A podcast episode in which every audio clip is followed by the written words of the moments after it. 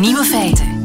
Dag en welkom bij de Nieuwe Feiten podcast van 5 november 2021 alweer.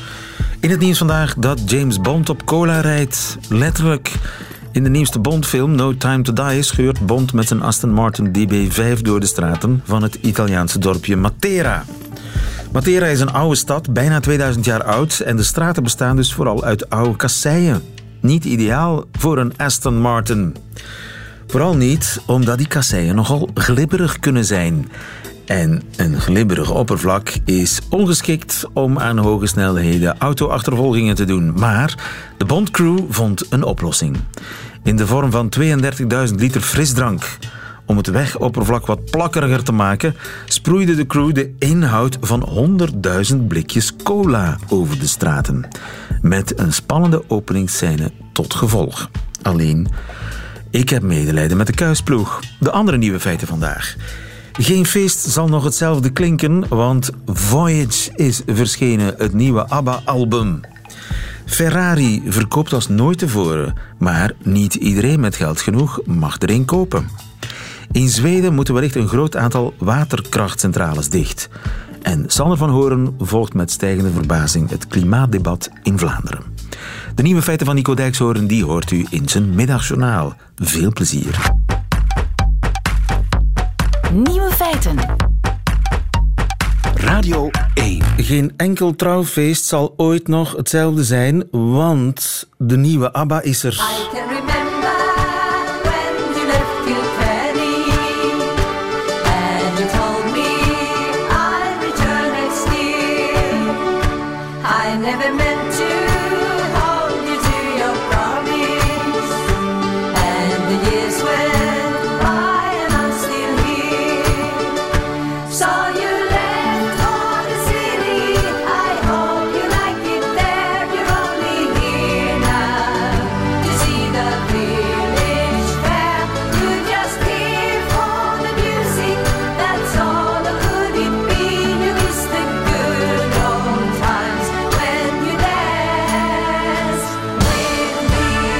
Hopla, volksdansdisco zoals alleen eh, ABBA die kan maken. When You Dance With Me staat op de gloednieuwe plaat Voyage.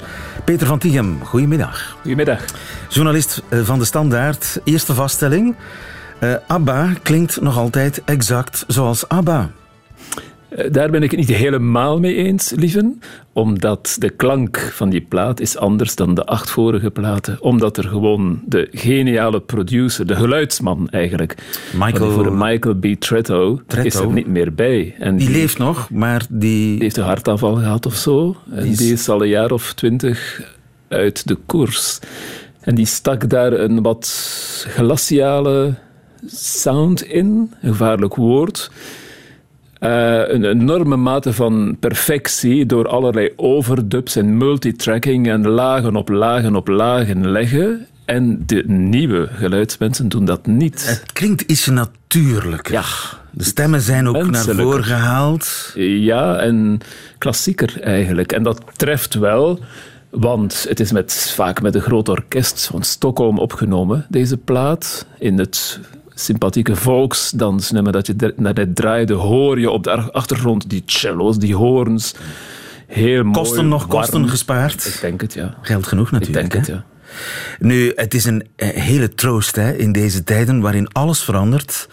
Dat ABBA eigenlijk nog altijd ABBA gebleven is. Ja. Ondanks die kleine verschillen in sound die je net Ja, ja, ja. zegde. Inderdaad, ja. Daar zetten ze helemaal op in, denk ik. Want het had zo fout kunnen lopen. Hè. Het is eigenlijk een recipe for disaster. Hè. Een groep, eh, iconische groep uit de jaren 70. Zo invloedrijk geweest. Zijn nu de 70 voorbij. Ze denken, we gaan nog eens naar de studio. We gaan, het, we gaan het afmaken. We hadden nog iets. Het hing nog ergens in de lucht. We hadden nog iets goed te maken. Dus laten we het nog eens één keer proberen. Dat kon zo slecht aflopen. Hè. Ja, eh, daar was ik ook bang voor. En terzelfde tijd heb ik wel vertrouwen, omdat die mensen eigenlijk zelden verkeerde stappen gezet hebben. Het is altijd heel keurig mooi opgebouwd. Het is altijd heel overdacht geweest. Het zijn Zweden, het zijn ingenieurs hè, van aard, die zetten alles heel precies in elkaar. En Geduld. deze plaat is al vier jaar in, vijf jaar in opbouw. Tien nummers. Dat is gewoon op hun ritme uitgebracht, gemaakt.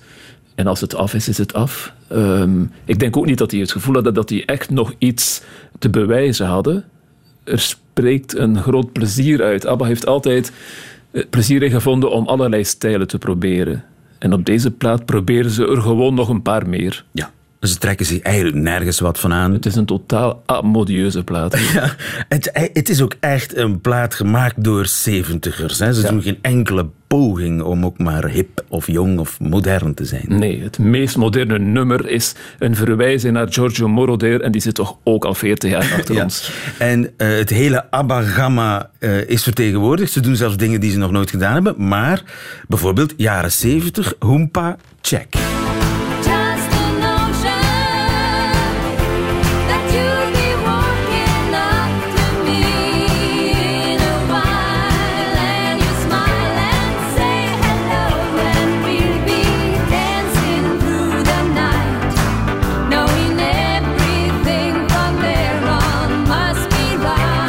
Een, eh, een nummer dat ze 43 jaar geleden hebben opgenomen, nooit hebben uitgebracht. De stemmen zijn bewaard. Ja, dus ze hebben een volledige nieuwe ja, instrumentatie daar rond gebouwd. En dat is eigenlijk wel interessant, want zo kun je horen dat die stemmen intussen wel veranderd zijn. Hè? Toch wel, hè? ze zijn lager een beetje. En die Want dit zijn de grote- stemmen van 40 jaar geleden. Die klinken nog heel erg powerful en hoog. Ja, ja, maar door die, dat nummer op deze plaat te krijgen en dan de andere nummers te horen, hoor je dat er toch wel verschillen zijn. En dat kan ook niet anders. Maar ze kunnen wel nog zingen. Maar ze kunnen wel nog zingen. Ze Het is heel goed hoor. Het is heel goed gedaan. Maar weet je, Treto die moedigde hen destijds aan om zo hoog mogelijk te zingen. En dat waren blijkbaar grote gevechten in de studio, om, om- omdat het tegen de pijngrens aan was. Ik denk dat dat gevecht er niet meer was. Zij zingen zoals ze het kunnen. Maar het, het hapert soms een beetje. Ze, ze, ze, ze nijpen soms een klein beetje dat, als ze heel hoog gaan. Maar dat maakt het allemaal zo En menselijk. soms denk ik, Agneta, kom, hoest een keer. Ja. Eh, dus, eh, jaren 70 Hoompa, check. Tearjerker, check.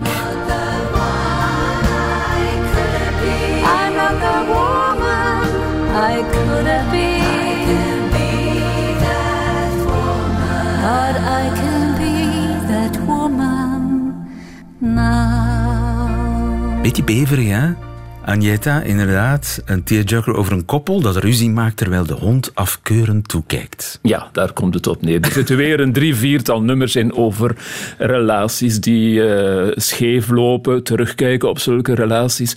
Ja, dat is gegoten ABBA. Dat Ja. hebben ze altijd gedaan. En de clichés worden niet geschuwd. Hè? Alle, alle regels van de goede smaak worden overboord gegooid. Als iemand anders het zou doen, eh, zou- die zouden een draak afleveren. Maar op de een of andere manier ja, ontstaat er onsterfelijke popmuziek. Ja, er zit altijd, heeft altijd veel slagergevoel in gezeten hè, bij ABBA. En dan die disco die er toch altijd in zit. Heel veel kitsch in ABBA, vind ik. Ja. Maar je moet met kitsch kunnen omgaan. Anders loopt het inderdaad fout af. Zij zijn daar geniaal in, denk ik. Met kitsch kunnen omgaan, dat is een kunst. Ik vind van wel, ja. Ik ken geen popgroep die zo goed met kitsch kan omgaan. De Pet Shop Boys bijvoorbeeld kunnen dat ook. Ehm, overdrijven, ehm, te glad zijn, ehm, clichés gebruiken. Maar dat zijn allemaal elementen waar je geweldig kan over uitgeleiden. Maar als je het gedoseerd doet op het juiste moment, het juiste woord precies op de juiste noot zetten, Dan raakt het. dan, dan klopt het. en dan wordt het tijdloos hoor. Nu, eh, speciaal voor de achterkleinkinderen die ze intussen wel moeten hebben. Ik geloof dat er kleinkinderen zijn van 30, een ouder zelfs. Dus er zijn ook achterkleinkinderen, ik heb het niet gecheckt. Een kinderliedje voor de kerst. Little things like that happy noise as a brand new day this lovely Christmas morning. It's our children playing with their new toys. En er komt ook nog een kinderkoor achteraan. Ja, absoluut. Dus over, over clichés en kids gesproken. Ja, maar dat hadden ze nog niet. Hè? Ja. Als ABBA moet een kerstlied hebben. Ze hadden Happy New Year, maar dat is geen kerstlied.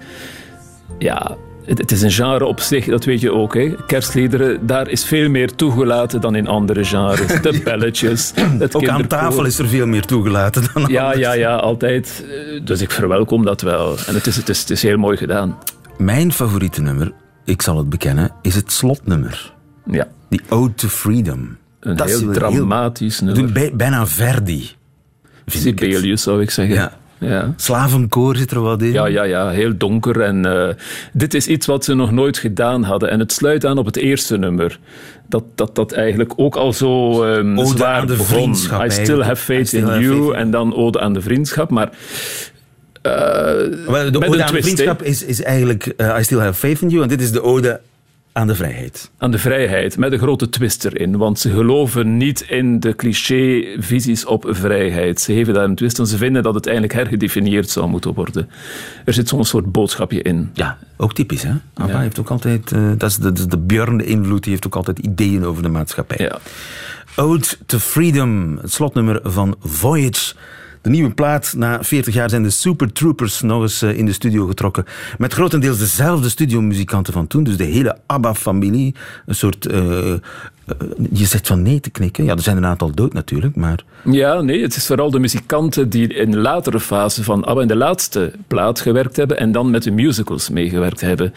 Dus een aantal van die echt oudere muzikanten die zitten er niet in, maar het zijn wel allemaal topmuzikanten die dus met de musicals eh, Mamma Mia en zo en Chess en zo meegewerkt Het hebben. is de KMO, ABBA. Het is eh, eigenlijk de, de ABBA van de Visitors en Post-Visitors, de musicals, die dan en de Mamma Mia musicals. Het is die, die groep die nu eh, alles in handen genomen heeft.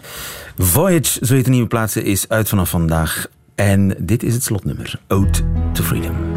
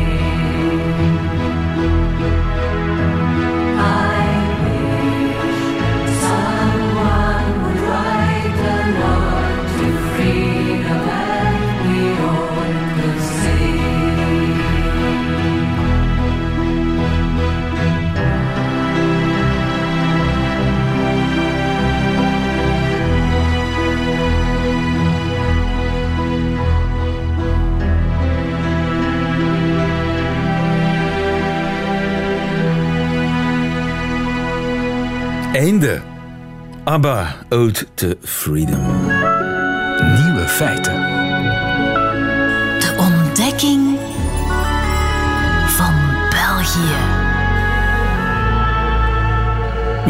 Met stijgende verbijstering komt hij elke week verslag doen van zijn ontdekking van België. De NOS-man in eh, Brussel. Goedemiddag, Sander. Ja, lieven. Sander, hoe gaat het? Heb je België weer overleefd? Nou, deze week had ik wel moeite hoor. Oei. Ik heb met stijgende verbazing naar dat eh, klimaatdebat in Vlaanderen zitten kijken. Eh, op, We hebben, we hebben een akkoord. op Vlaanderen ga ik zeggen, want Vlaanderen gedraagt zich echt zo moemakend af en toe als een eilandstaartje. Aha. Dus op Vlaanderen ga ik eh, En vanaf, nu vanaf, vanaf nu op het, op het eiland Vlaanderen. Eiland Vlaanderen, waar eh, ik vandaag nog eventjes de verschillende nieuwsbrieven uit Glasgow heb gecheckt. Want ik dacht, nou, dat is zo belangrijk. De- ze, ze zullen allemaal wel openen met het feit dat eh, Vlaanderen een klimaatakkoord heeft. Maar ja, nee dus. Nobody cares. in Nee, Glasgow. nobody cares. Nou ja, dat zal misschien niet waar zijn. Er zullen wel meer eh, mensen van eh, eiland Vlaanderen rondlopen die het wel belangrijk vinden. Maar ik heb ook even gekeken van is er dan een soort COVID-test voor eh, ministers? Dat als je geen klimaatplannen hebt, dat je dan de zaal niet binnenkomt of zo. Maar dat ook niet het geval. Dus die hele kunstmatige deadline van Zohal de Mier kan toch niet met lege handen naar Glasgow? Die komt nergens vandaan. En dat je daar dus zo'n hele week met een soort kunstmatig gecreëerde crisis mee bezig kunt zijn. Om dan uiteindelijk met iets te komen waarvan niet duidelijk is wat het dan precies is. Behalve dan dat het onvoldoende is en dat het pijn doet. My god. Maar eh, we hebben toch een akkoord. eh, 40% minder CO2 tegen 2030. Dat ja, is maar niet 40% niks. van wat? van de uitstoot van 2005, dacht ik. Juist. Maar 2005, 40% minder. Wat is dat dan? En het was 35%. Ik bedoel, het zegt mij allemaal niets. We hebben het namelijk internationaal gezien. En ook binnen Europa, alle afspraken die gemaakt worden, zijn reductie ten opzichte van 1990. 1991 hoor je ook wel eens, van pijldatum 31 december. Maar hoe verhoudt zich dat dan? Nou ja, ik heb het eens uitgerekend, want ik dacht van ja, misschien zit ik er helemaal naast. Hè? Misschien als je ten opzichte van 2005 rekent, kom je op hetzelfde uit. Maar als jij ehm, het Vlaams Milieubureau, gelukkig is het er, want anders dan moet je eh, gaan kijken op eh, federale cijfers en dan heb je het weer niet uitgesproken. Vlaanderen houdt het voor zichzelf bij, zoals dat eh, eh, eiland Vlaanderen betaamt natuurlijk. Als je de reductie die Europees is afgesproken van 55% reductie ten opzichte van 1990 aanhoudt, dan moet je uitkomen op 31 megaton CO2. Nou ja, whatever, maar onthoud 31. Met die 40% ten opzichte van 2005 kom je op 47,4 megaton.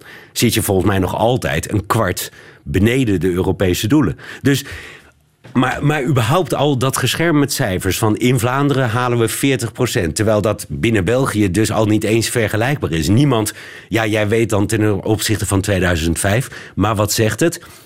Daar gaat het helemaal niet over. Het gaat over, zijn er voldoende laadpalen? Eh, is de bouwsector, de huizensector er wel klaar voor? En dat is natuurlijk logisch, want je hebt draagvlak nodig. Alleen laadpalen in Vlaanderen, who cares? Ik bedoel, je, nou ja, nee, het is natuurlijk belangrijk. En als er 300, 400.000 bijkomen in Vlaanderen, ja, dan zullen de bezitters van al die elektrische auto's tegen die tijd natuurlijk enorm blij mee zijn. Maar ja, waar gaan die met de auto naartoe? Voor deel bijvoorbeeld naar Brussel.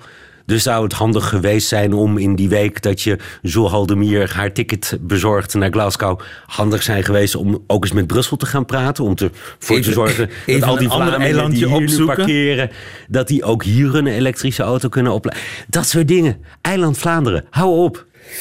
Ja, eh, Maar ook weer, hè, bedoel, ik, ik snap draagvlak, maar dan, dan, dan zie je, zoals de Mier gisteren, eh, bij ter zake zie je uitleggen wat het inhoudt. Nou ja, ook daar dus niet de vraag van wat doet Brussel, wat doet Wallonië, want Vlaanderen heeft zich niet gecommitteerd aan die 55% reductie ten opzichte van 1990 en de Parijsdoelen klimaatneutraal in 2050. want het is België. Dat is België. Dus ik zou dan als, als kijker, luisteraar, journalist... zou ik willen weten van oké, maar hoe verhoudt zich dat tot wat Wallonië en Brussel doen? Want ja, dat moet je op zijn minst erbij betrekken. En ik neem aan, als ik die cijfers zo zie... en wat het rekensommetje wat ik net op de achterkant van een sigarendoos gemaakt heb... ik neem aan dat Wallonië overpresteert. Want anders heb je als België... Maar ja, dream on. als België... Ja, de dream on, inderdaad. Maar anders dan, dan heb je dus als België een probleem. En ik bedoel, je moet het toch niet doen om Zohaldemir een toegangsbewijs te bezorgen. Met opgeheven hoofd. Je moet het toch niet doen om die 55% te halen. Je moet het toch doen omdat anders eiland België onder water komt te staan. Was het maar een eiland in eh, de Malediven, Vlaanderen.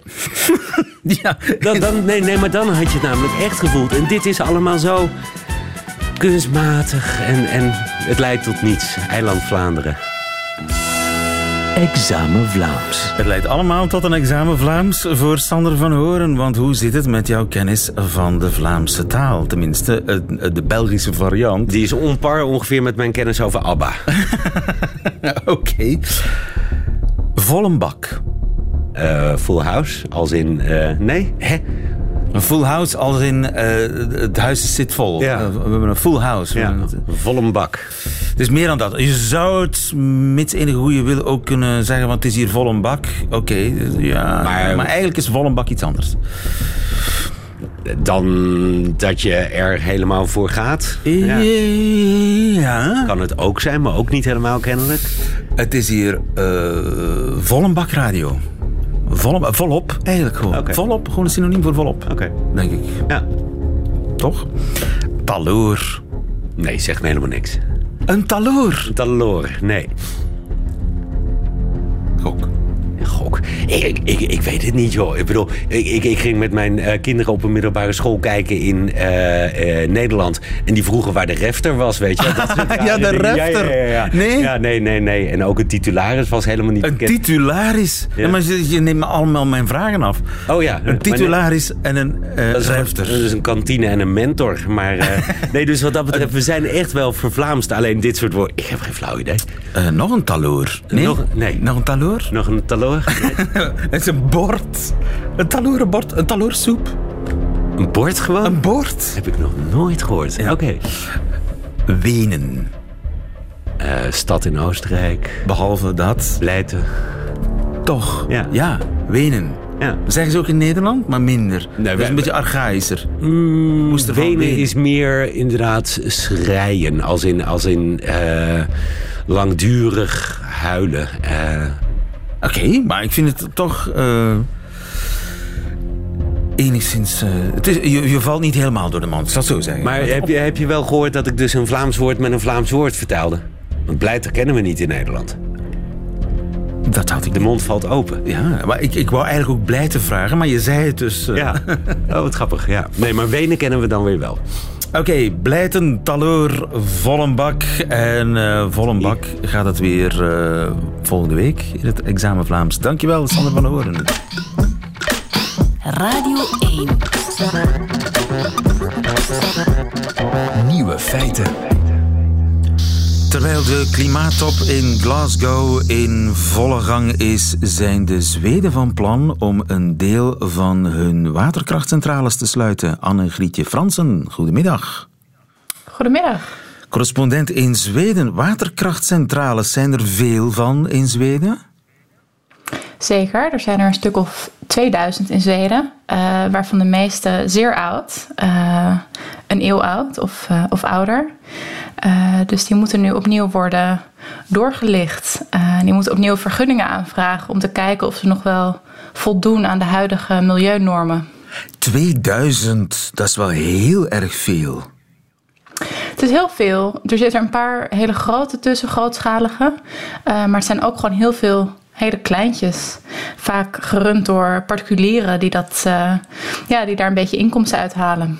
Oh, dus dat, dat is eigenlijk een beroep, een soort waterkrachtboer zijn, bij wijze van spreken. Ja, en vaak zijn het ook boeren die, eh, die inderdaad ook eh, bijvoorbeeld iets verbouwen. En dan dit doen om een beetje bij te beunen. Dus om iets extra inkomsten te hebben. En als je dat afzet tegen de totale elektriciteitsproductie in Zweden, hoeveel procent is, daarvan is waterkracht? Ja, zo'n 40 tot 45 procent. Dus een heel aanzienlijk deel. En ze hebben ook nog veel atoomkracht, hè? Dat klopt. Eh, een andere, ongeveer 40% van de elektriciteitsproductie is afkomstig van eh, kernreactoren, eh, kernenergie. Maar goed, ook dat is natuurlijk redelijk problematisch. Of in ieder geval dis- die discussie die, is al tientallen jaren aan de gang. Om die kernreactoren te sluiten. Dus die worden waarschijnlijk ook de komende zeg 20 jaar uitgefaseerd. Ja. Maar goed, als dan nu ook blijkt dat een deel van die waterkrachtcentrales niet kan eh, voort, voortbestaan. Ja, dan zitten ze wel dan met een valt er wel probleem. een groot gat. Ja. Zeker. Wat is er verkeerd met die waterkrachtcentrales? Dat is toch volledig klimaatneutraal? Ja, dus die zijn klimaatneutraal, eh, maar niet per definitie milieuvriendelijk. Ehm, want die waterkrachtcentrales, dat heeft een enorme impact op het waterleven, op de vissen en de planten die daar groeien en op de doorstroom van het water en bijvoorbeeld de omliggende moeraslanden.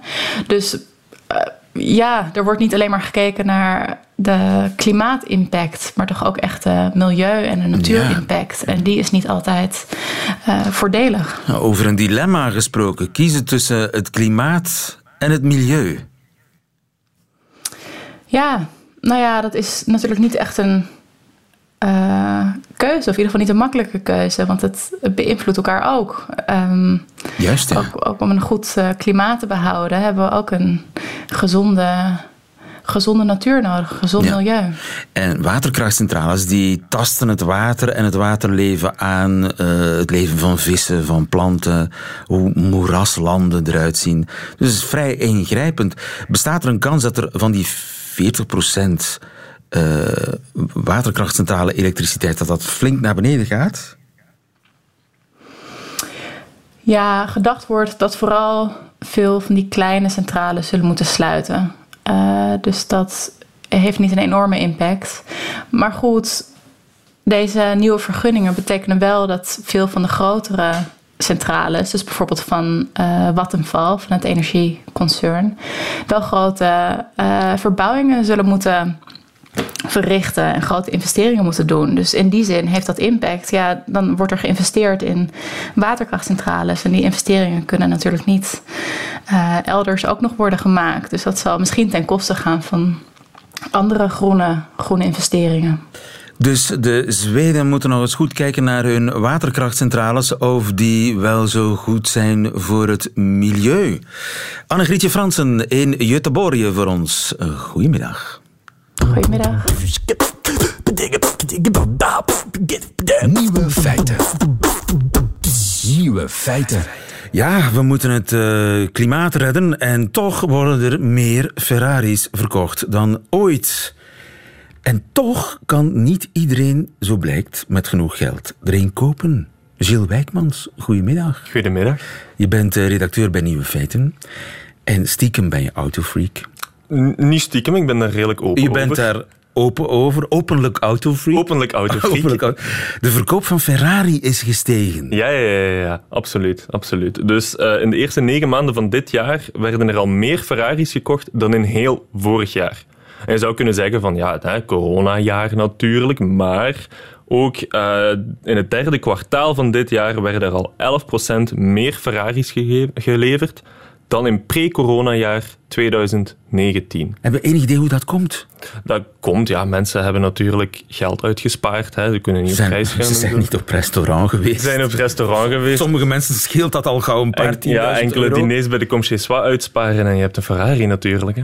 Ja, en, maar toch blijkt dat niet iedereen die genoeg geld op tafel legt, er een kan kopen. Nee, inderdaad. Dus, Hoe zit dat? Moet je solliciteren bij Ferrari? Voor sommige modellen mm, krijg je een uitnodiging. Dus Ferrari heeft zijn basismodellen, ga ik het maar even noemen. Dat zijn de modellen die eigenlijk gebouwd worden zonder dat er een beperkte oplage is. En dan zijn er de specialere modellen, de limited editions. En daarvoor moet Ferrari u uitnodigen. Je wordt eigenlijk uitgenodigd om superveel geld neer te leggen. Neem bijvoorbeeld de Ferrari SP1 en de SP2 Monza. Dat zijn twee auto's. eh, in 2018 zijn die onthuld. Kosten 1 miljoen euro per stuk. 500 stuks werden daarvan gemaakt en die waren al uitverkocht nog voordat het publiekelijk bekend was dat die ooit geproduceerd gingen worden. En die waren dus al verkocht aan de allerbeste klanten van Ferrari. En hoe- En hoe definieer je beste klant? Dat zijn de mensen die bijvoorbeeld al enkele basismodellen of andere Ferraris hebben gekocht. Dus voordat je een auto van 1 miljoen mag kopen bij Ferrari, moet je, Eerst al, moet je eerst al een miljoen uitgegeven hebben aan andere auto's van Ferrari. En dan nog is dat niet genoeg, want dan wil Ferrari natuurlijk ook uw loyaliteit aan het merk even testen. Dus dat betekent bijvoorbeeld regelmatig naar Ferrari-events gaan. Eh, Dat is eigenlijk verplicht. Als je zo'n speciaal model wilt hebben, ja, dus ook naar de Formule 1 gaan kijken en een beetje supporteren voor Ferrari. De fabriek bezoeken in Maranello bijvoorbeeld. Dat is bijna een secte. Ja, er zijn inderdaad, voor het kopen van die auto's zijn er inderdaad heel, heel, heel strenge regels. En werken ze met een zwarte lijst. Ze werken inderdaad met een zwarte lijst. En wat moet je doen om op die zwarte lijst te komen? Er zijn heel veel dingen waardoor je op die zwarte lijst kan komen. Dus iedere Ferrari die verkocht wordt, de eigenaar daarvan, die moet zich eigenlijk aan een soort regelboek houden. Dus er zijn regels wanneer je een Ferrari koopt. Een van die regels is bijvoorbeeld, je mag die Ferrari niet aanpassen, je mag er niet mee knoeien. Je mag er niet een andere motor in leggen. Je mag bijvoorbeeld de achtervleugel niet veranderen. En Mag je hem maar op. herschilderen? Nee. Ja, nee, ja, nee. Eigenlijk, nee, eigenlijk niet. Er is bijvoorbeeld één Belg, Jean Blaton, die had een Ferrari F40, wat een van de meest iconische Ferraris ooit is. Tegenwoordig is dat ding anderhalf miljoen euro waard, gebouwd in de jaren 80, en die had er dus één. En in de jaren 90 had hij besloten van, ik vind dat ding niet echt spannend genoeg. En wat hij gedaan heeft, is bijvoorbeeld het dak ervan afgehaald, cabrio van gemaakt, nieuwe velgen erop, achtervleugel vervangen, en geel geverfd. Want alle Ferrari F40's die de fabriek hadden verlaten, die waren rood. Hij heeft die geel geschilderd, want geel is de historische racekleur van, van België. Ja, en hoe reageerde Ferrari daarop? Met een rechtszaak.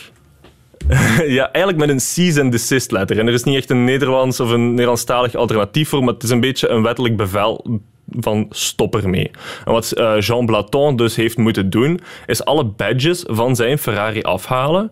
dat het dus niet meer bekend stond als een Ferrari. En Ferrari erkent die Ferrari vandaag de dag is niet geen- als een Ferrari. Het is geen Ferrari meer. Nee, het is geen Ferrari meer. Dus dat, dat mag niet. Hij had die zwaar getuned, mag niet. Er zijn ook iets dommere regels. En ik ben heel voorzichtig, want als je publiekelijk negatief spreekt over Ferrari, dan mag je ook geen Ferrari meer kopen. Kom je ook, oh, kom je ook op de zwarte lijst. Een andere domme regel is bijvoorbeeld je Ferrari roos schilderen. Mag niet. Je mag geen roze Ferrari hebben. Ferrari biedt roze niet aan als fabriekskleur, maar ook als je achteraf je Ferrari roze schildert, kom je op de zwarte Maar dat is toch mijn auto? Ik heb ervoor betaald. Ik, ik, ik doe daar toch mee wat ik wil. Er is ook geen enkele wettelijke basis om te zeggen van je mag je Ferrari niet roze schilderen, er gaat geen agent aan je deur staan, maar Ferrari behoudt zich wel het recht om zaken te doen met klanten waar zij zaken mee willen doen. Dus dan kom je op de zwarte lijst. Dan kom je op de zwarte lijst. Zij vinden roze niet horen bij hun ethos, bij hun merk. En eh, de Amerikaanse rapper Black China had dat bijvoorbeeld gedaan. Die had haar Ferrari roze geschilderd, Barbie roze, spuuglelijk. En daarom, zwarte lijst, mag nooit meer een Ferrari kopen. Een andere persoon die op de zwarte lijst staat voor een heel domme reden, is Justin Bieber. Justin Bieber staat op de zwarte lijst van Ferrari. Waarom? Omdat hij ooit vergeten was waar hij zijn Ferrari geparkeerd had. Hij was gaan feesten in L.A., wist de volgende ochtend niet meer waar hij zijn Ferrari geparkeerd had. Ferrari had zoiets van, ja, je toont niet echt respect naar ons merk toe. Op de zwarte lijst. Mag geen Ferrari meer kopen. Heeft hij trouwens wel gevonden. Drie weken later heeft zijn assistent die ergens op een parkeerplaats gevonden en had hem zijn Ferrari terug. Ja. Naar het schijnt mag je hem zelfs niet op tweedehands.be zetten. Nee, dat, ja, dat mag wel, maar ook weer dan krijg je ruzie met Ferrari. Dus wanneer je een Ferrari koopt, mag je die sowieso niet in het eerste jaar verkopen. Dat is om speculeren tegen te komen. Het kan, een Ferrari dat duurt twee jaar om die te bouwen, dat wordt nog altijd handgemaakt.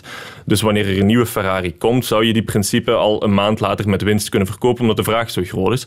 Dus je mocht niet binnen een jaar eh, verkopen.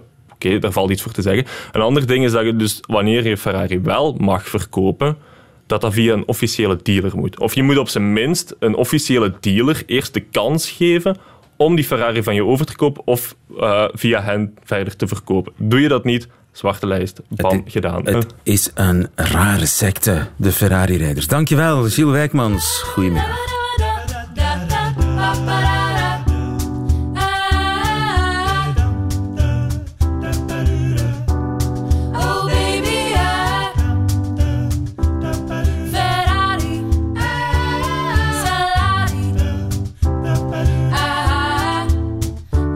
En dat waren ze meteen de nieuwe feiten van 5 november 2021. Alleen nog die van Nico Dijkshoorn nu in zijn middagjournaal. Nieuwe feiten. Middagjournaal. Beste luisteraars, ik word al enkele dagen betoverd door een plaat van Admiral Freebie. En ik moet eigenlijk zeggen, een plaat van Tom van Laren. Het is niet de eerste keer dat hij mij omver blaast. Ik zal nooit vergeten wat er gebeurde toen ik ergens begin 2004 het eerste liedje van zijn eerste plaat luisterde. Het heet Get Out of Town. Het is een wiegend, bijna gefluisterd liedje over wonen in een verkeerde stad. Prachtige zinnetjes, een piano, een gitaar. Maar na enkele minuten verandert opeens alles. In een storm van overstuurde gitaar en een gierend hemmend orgel praat schreeuwt Tom waarom we de stad uit moeten vluchten. Snel wegwezen hier voordat het te laat is. Het is een van de beste liedjes die ik ken. Ik luisterde het nog heel vaak. Dan een sprong naar 2014. Ik zie Tom, tegen zijn eerbetoon aan Bob Dylan in het concertgebouw te Amsterdam, het liedje Man in the Long Black Coat spelen. Een verpletterende uitvoering. Daar staan wij. De rest van de artiesten, backstage. En we hebben medelijden met de man of de vrouw die vlak na hem moet optreden. Get out of town, dat is opeens een heel aantrekkelijk idee. En dan nu, zijn laatste plaat. Nooit heb ik iemand eerlijker horen zingen over wanhoop en de uiteindelijke verlossing. Het voorlopig hoogtepunt is het liedje There's Nothing Wrong With You. Tom zingt over eenzaamheid, een leraar die vertelt dat het nooit wat met hem zal worden en hoe hij wordt gered door muziek en een vrouw. Hij zingt in het Engels. Hé hey, jij, er is niks mis met jou. Het is suikerzoet, maar van Tom kan ik dat heel goed hebben. Heel fijn dat iemand dat nu eens een keer tegen mij zegt. Het is vooral de eerlijkheid die mij treft. Geen metaforen, geen ingewikkelde concepten. De hele plaats staat vol met prachtige liedjes. En Tom, hij vertelt ons waarom het nu een klein beetje beter met hem gaat. In ieder liedje hoor ik ook nog steeds de twijfel. Dat kan allemaal zomaar weer veranderen. Luisteraars, als u zelf ook twijfelt en als u even niet gelooft dat het om de hoek allemaal weer iets beter gaat, luister dan naar de nieuwe plaat van Admiral Freebie. Ik ben er zelf enorm door opgeknapt. Zo fijn ook om liedje na liedje te horen dat het goed gaat met Tom.